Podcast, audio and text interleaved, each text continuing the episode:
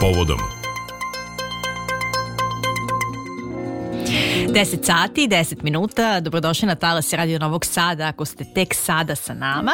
I u rubrici Povodom govorimo o tome da je Novosadska novinarska škola obeležila, juče je bilo obeležavanje zvanično, pet godina rada fake news tragača. Od 2017. godine Novosadska novinarska škola je osnovala portal koji služi za dekonstrukciju lažnih i manipulativnih vesti pod nazivom Fake News Tragač.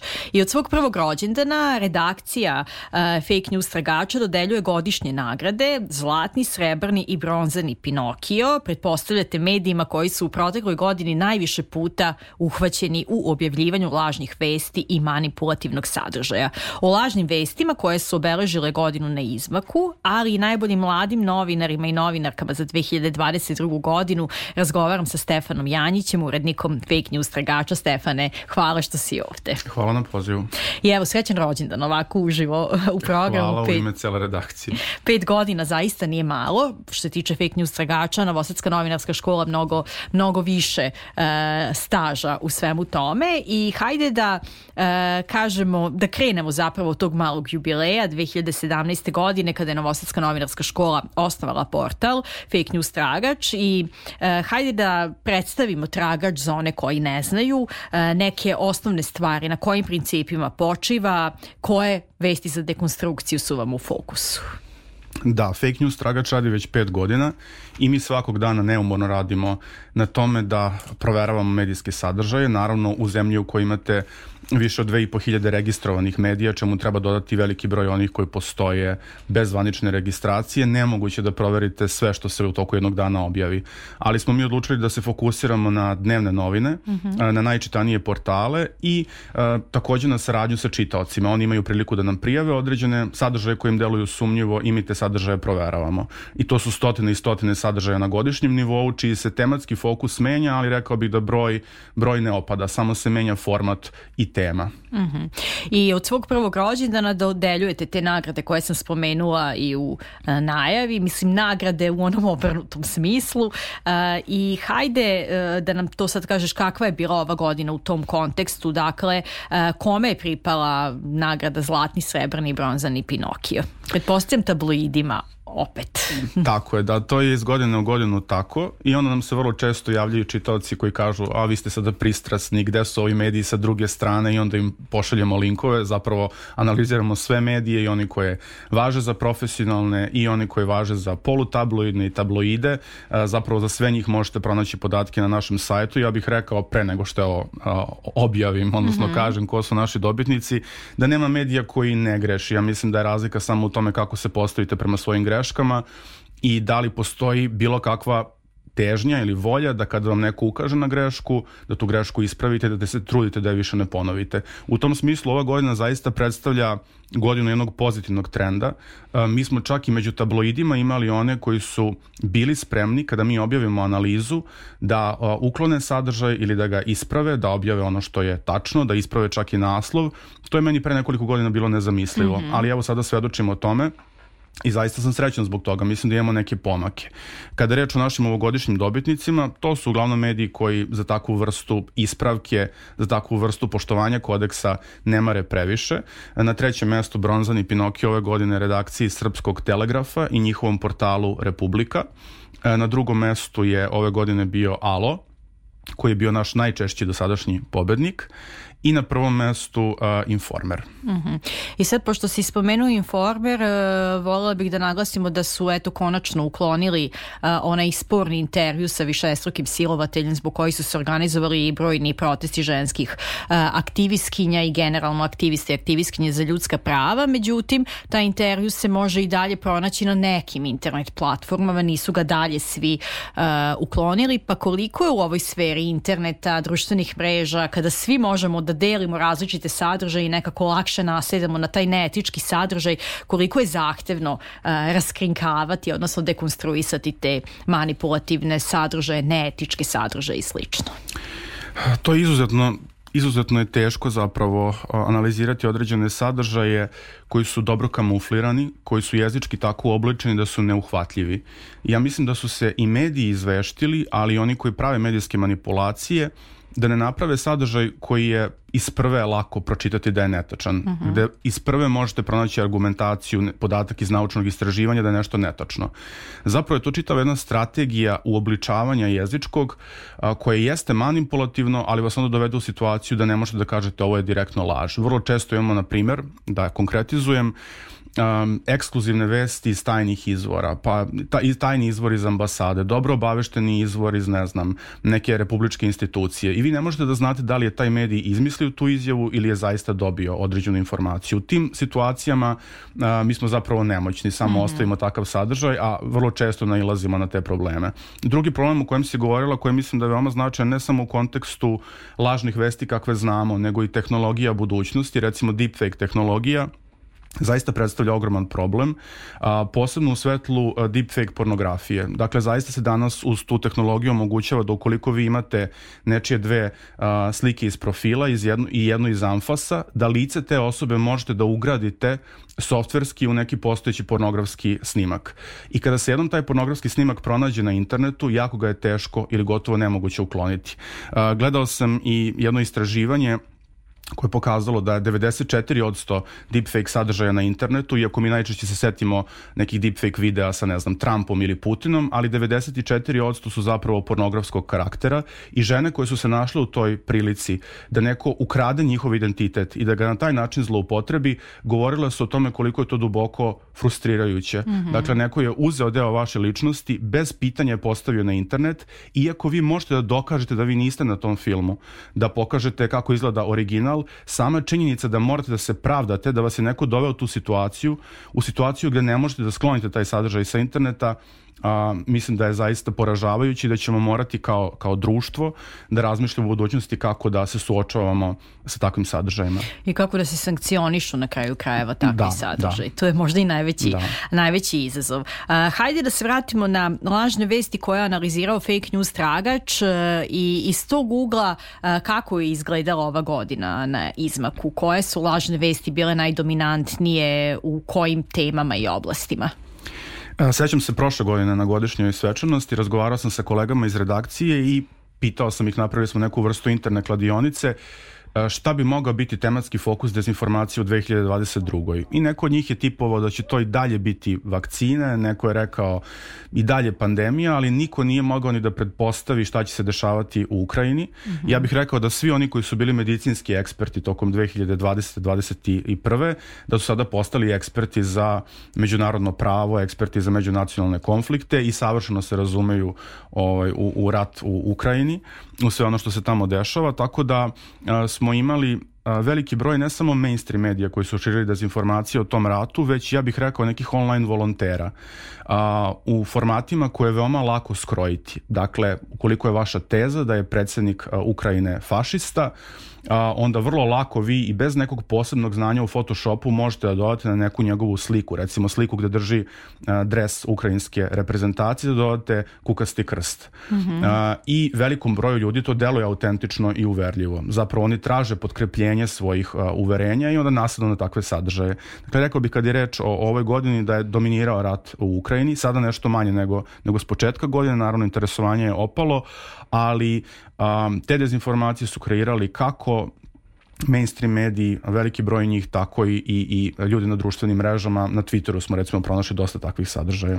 Da li to znači, možemo izvesti zaključak da a, neke svetske krize zapravo pogoduju širenju lažnih vesti? Imali smo pandemiju, a, migrantska kriza koja je takođe iznedrila mnogo lažnih vesti, sad rat u Ukrajini. Da li je to usko povezano? Da, pa internet zapravo funkcioniše kao nekakav autoput a, mhm. dezinformacija i kada vi imate jedan globalni događaj posebno um, te takozvane crne labudove događaje koje ne možemo da predvidimo kao što je bila pandemija ili kao što je rat u Ukrajini. Niko krajem prošle godine nije mogao da nasluti razmere onoga što će se dešavati. Um, mislim da funkcioniše taj sistem prevođenja. Nešto nastane na jednom kraju sveta, pa se prelije na društvenim mrežama, prevodi se na druge jezike ili čak nema potrebe za prevođenjem ukoliko je sadržaj vizualnog tipa. Mm -hmm. Ukoliko je reč o photoshopiranim fotografijama i videima, pa to za sekund a, dođe iz Rusije u Srbiju ili iz Srbije u Ameriku ili iz Amerike u Srbiju. Dakle, to je jedan ekosistem koji savršeno funkcioniše i jako je teško suprotstaviti mu se. Dakle, do momenta kada mi objavimo svoju analizu, kada ukažemo ljudima da nešto nije tačno, do tog momenta je je vest na koju mi reagujemo već dostigla nekakav svoj viralni zenit, hiljade lajkova, šerova, komentara i eto ono o čemu stalno pričamo da je fact checking zapravo jedna vrsta kasne ili zakasnele reakcije, ali mislim da ima nekakvog dugoročnog efekta, um, samo ga eto um, ne vidimo u punom zamahu još uvek. Da, zapravo svodi se najčešće na gašenje požara. Tako je, da. Nikako. da. A to mi podsjetilo na onu uh, igricu kad smo bili deca gluvi telefoni u smislu mm -hmm. kako vest putuje i kako se uh, širi i kako sad yes, internet yes. tek ima uh, tu moć. Hajde da ostanemo na priču o tim photoshopiranim fotografijama, ali na lokalu. Ono što jeste obeležilo pre koji mesec uh, mnogo vesti u svim medijima je pojava crnog pantera u, u Vojvodini, u nekoliko sela.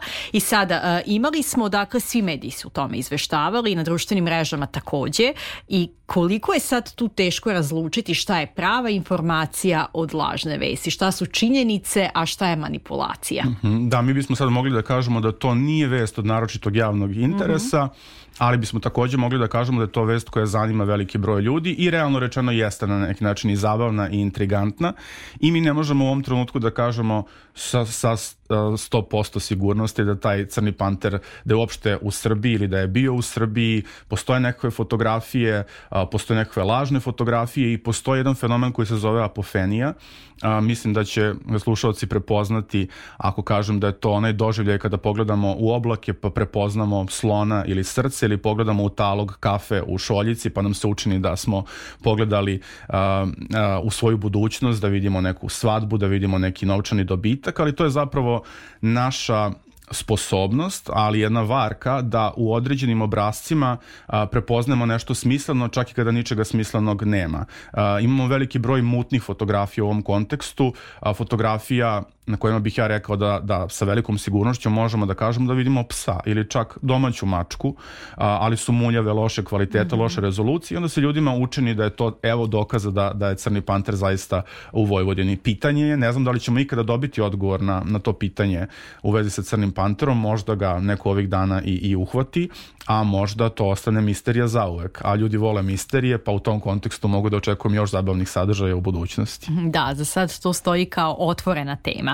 E, koliko danas građani i građanke prepoznaju fake news tragač, e, da li vam šalju predloge, to si već spomenuo negde u odgovoru na prvo pitanje, ali u tom smislu koliko se e, intenzivirala ta saradnja, da kažem i komunikacija sa e, čitaocima u ovih pet godina?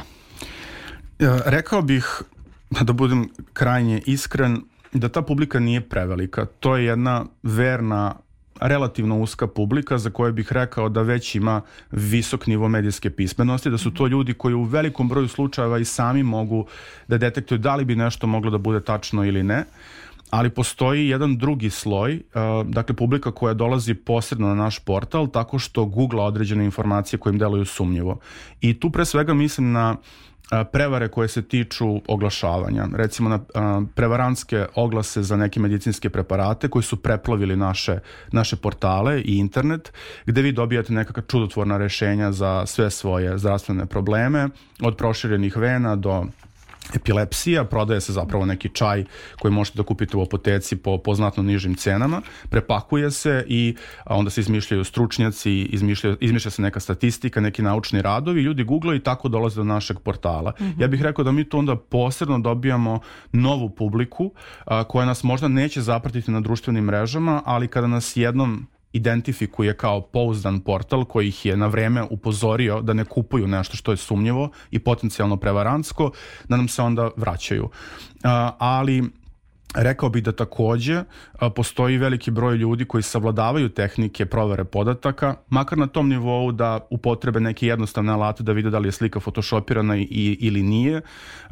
Ljudi koji jačaju svoj nivo naučne, statističke, matematičke, medijske pismenosti uh, i onda im nije neophodna naša pomoć da bi dekonstruisali određenu dezinformaciju. To je takođe dobra vest. I postoje naravno oni slučajevi gde ipak neko u, u, u sve googlanje ne može da dođe do, do tačnog odgovora. Izdvojio bih tu jedan interesantan primer. Mm -hmm. Mnogi mediji su recimo preneli vest da je naša futbolska reprezentacija bila jedina na ovom svetskom prvenstvu evropska reprezentacija bez psihologa u svom timu. I to je jako lepo naleglo na taj narativ čitavo objašnjenja našeg neuspeha. Mm.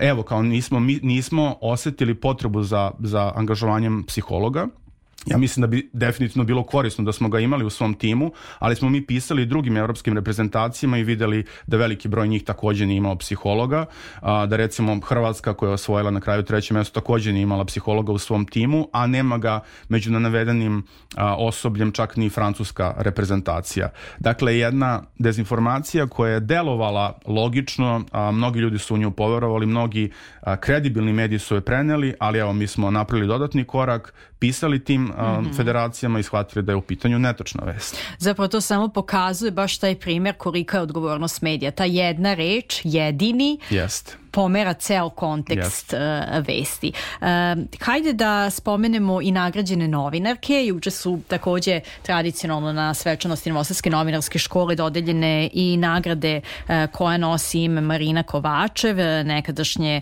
uh, novinarke, aktivistkinje, naše, vaše koleginice i uh, ovoga puta pripala je nagrada Milici Milosavljević, RTS, mm -hmm. uh, zatim uh, Teodori Ćurčić iz Centra za istraživačko novinarstvo Srbije Srbije i tu su još nagrađen je Filip Mirilović mm -hmm. iz Nedeljnika Vreme i Anđela Andrijević, ona je uh, freelancerka, novinarka.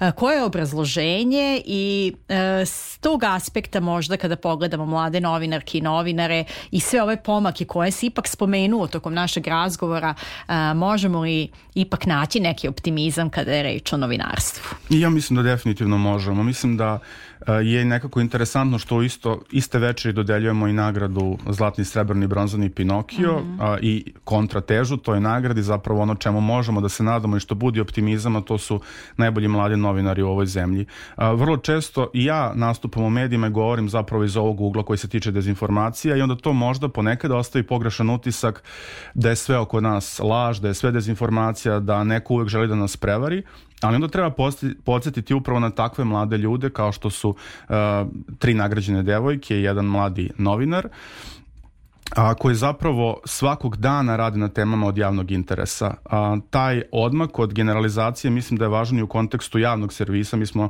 eto, prethodnih godina imali nagrađene i sa radio televizije Vojvodine. Ove godine to je jedna koleginica sa radio televizije Srbije. A, vrlo često ljudi koji možda ne prate detaljno program ili koji su fokusirani samo na centralnu informativnu emisiju imaju veliki broj primetbi od kojih su neke opravdane, ali neki zaista klize, kli, kližu zapravo ka generalizaciji mm -hmm. i ja bih rekao ako pogledamo priloge te devojke Milice Milosavljević sa radio televizije Srbije koja je nagrađena a, s kakvim kritičkim duhom ona pristupa svojim temama, koliko je to ozbiljno, koliko je to posvećeno, a, koliko je to u nekim situacijama ja bih rekao i neustrašivo i avangardno a, samo možete da skinete kapu i da kažete evo postoje neki, neki ljudi i ja bih rekao da ih je više nego što primećujemo koji u vrlo stresnim okolnostima, u vrlo kratkim rokovima imaju zadatak da nam a, isporuče neke priče od, koje su zaista od prvorazrednog javnog interesa. Isti je slučaj sa Teodorom Ćurčić iz Cinsa, s tim što njen tip novinarstva nešto drugačiji, sporovozniji, ali bavi se temama koje se zaista tiču a, svih građana Srbije i mislim da bi trebalo više češće da pratimo njihov rad i više da ga cenimo. Da, evo čestitke zaista za nagrađene novinarki i novinara, ali a, ja ću sad vratiti priču na fake news tragač. Moje lično mišljenje da to ne doživljavam a, kao tu negativnu stranu novinarstva, mm -hmm. zapravo odlično je što postoji, što je a, tu neko budan da ukaže i na te neke negativne strane novinarstva, pa se onda nadamo da će ti a, pozitivni primjeri da prevladaju vladaju i onda bih možda voljela za kraj da nam daš tu kratku lekciju, spomenuo si već za tu medijsku pismenost i one uh, ljude koji prate fake news tragač i obično neki uži krug ljudi. Uh, spomenuo si takođe da uh, su se uh, neki ljudi opismenili da sami znaju da prepoznaju i uvide koja je vest lažna, koja je fotografija photoshopirana, pa možda sad za slušalci i slušateljke uh, naše emisije neke osnovne alate koje bismo svi trebali da znamo da, da ne zapadnemo lako upadnemo lako u zabludu i zamku. Evo, redakcija Fake News Tragača je u okviru svoje edukativne sekcije na portalu objavila jedan tutorial sa zadacima, sa videomaterijalom kojem objašnjava kako možete da primenite neke alate koji će vam otkriti da li je fotografija photoshopirana, da li je autentična, da li je neki tekst plagiran, kako da uporedite neke prevode, neke sitne razlike među tekstovima, kako da analizirate mape. Ali ako bi trebalo da dam nekakav generalni savet koji je pogodan za radijski program, dugo sam tragao za tom rečenicom i onda sam je pronašao kod Serena Kierkegora, mm -hmm. koji je rekao da postoji dva načina da budete obmanuti. Jedan je da poverujete u nešto što nije istina, a drugi je da ne poverujete u nešto što je istina. A, mislim da postoje tu dve krajnosti. A, jedna bi bila da poverujete u sve što vam se servira, i tu bi se onda reklo da je vaš nivo medijske pismenosti nizak, ali onda postoji ova druga krajnost za koju mislim da je takođe opasna, ljudi koji više ničemu ne veruju, ne veruju medijima, ne veruju novinarima, svi lažu, sve je dezinformacija, sve je obmana, uvek postoji neki skriveni interes, toga jako treba čuvati, mislim da takav cinični stav u životu koketira sa mizantropijom i da nas nikuda neće odvesti, mislim da treba jednostavno raditi na svojim veštinama, ali priznati sebi ukoliko nešto ne umemo da shvatimo. Nemoguće da jedan čovjek bude ekspert i za vakcine, i za rat u Ukrajini, i za migransku krizu i sasvim je u redu ako najđemo na neki sadržaj, na neku temu koja nam nije bliska da kažemo sebi u redu ja ovo ne razumem, hajde da vidim što o tome da ka, imaju da kažu ljudi koji su zaista eksperti za tu oblast. Mislim da to taj proces suzbijanja ega na zdrav način i negovanje zdravog skepticizma predstavlja prvi korak ka rešenju ovog problema. I da ne generalizujemo, kao Tako što je. si to rekao. Da, hvala mnogo. Da, hvala mnogo Stefane na ovom razgovoru. Dakle, čitajte, pratite Fake News Tragač za Radio Novi Sad, govorio Stefan Janjić, urednik tog portala. Ostanite i dalje na talasima Radio Novog Sada.